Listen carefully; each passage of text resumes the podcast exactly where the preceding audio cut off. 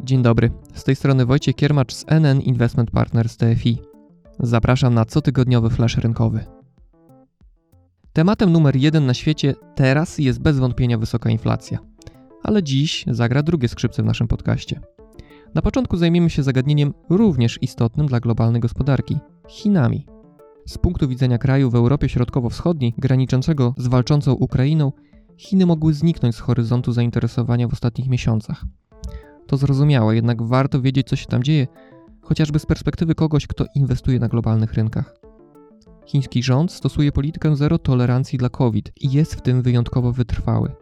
W ubiegłym roku, gdy zidentyfikowano przypadek infekcji koronawirusem u jednego pracownika, natychmiast zamknięto duży terminal w Ningbo, trzeciego największego portu transportowego na świecie.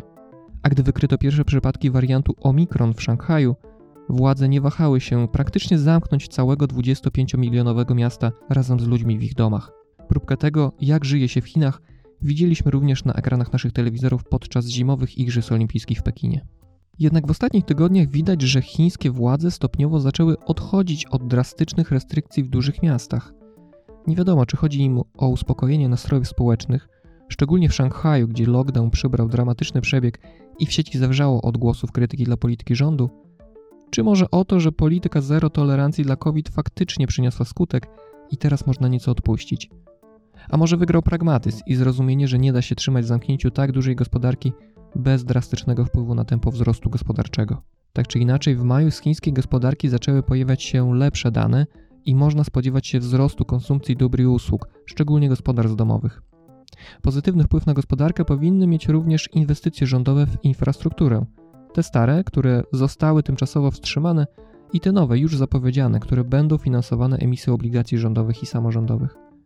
Hamulcowym będą prawdopodobnie wydatki i inwestycje sektora prywatnego, i to nawet pomimo wprowadzonych ulg podatkowych i niskich stóp procentowych. Na marginesie Chiny są jednym z nielicznych krajów na świecie, które utrzymują luźną politykę pieniężną. Zaufanie przedsiębiorców jest wątłe, bo rząd chiński pokazał na co go stać, mocno dociskając pasa regulacjami i karami w sektorze nieruchomości, prywatnej edukacji czy technologicznym. Problemem może być również tempo eksportu.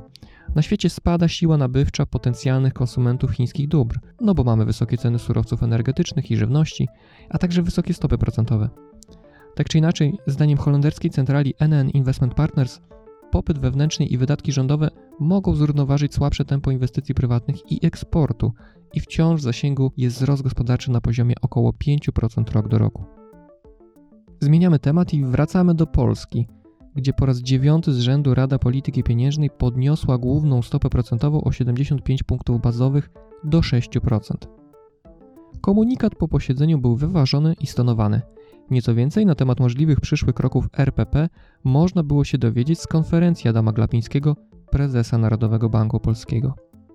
W temacie zakończenia cyklu podwyżek stóp procentowych powiedział, że jesteśmy bliżej końca niż początku. Jego zdaniem w lecie inflacja się ustabilizuje i potem zacznie spadać dzięki m.in. tarczom antyinflacyjnym. A jeśli zacznie spadać, to będzie sygnał dla RPP do obniżenia stóp procentowych. Prezes NBP sygnalizował, że być może nastąpi to pod koniec 2023 roku, o ile nie wystąpią jakieś nieprzewidziane wydarzenia.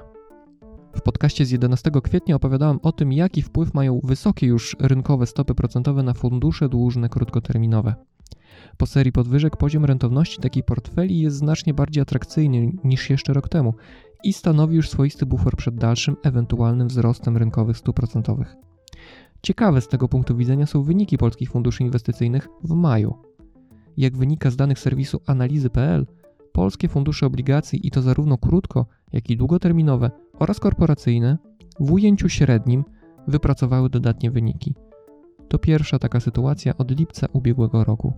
Na koniec, ten sam serwis opublikował listę 40 funduszy najlepszych do budowy portfela, czyli takich spełniających wyśrubowane kryteria wysokiej liczby gwiazdek w ratingu 4 lub 5 i wysokiej sumy ocen funduszu w rocznym i trzyletnim rankingu bazującym na ocenie efektywności funduszu, rozumianej jako wysokiej relacji zysku do ryzyka.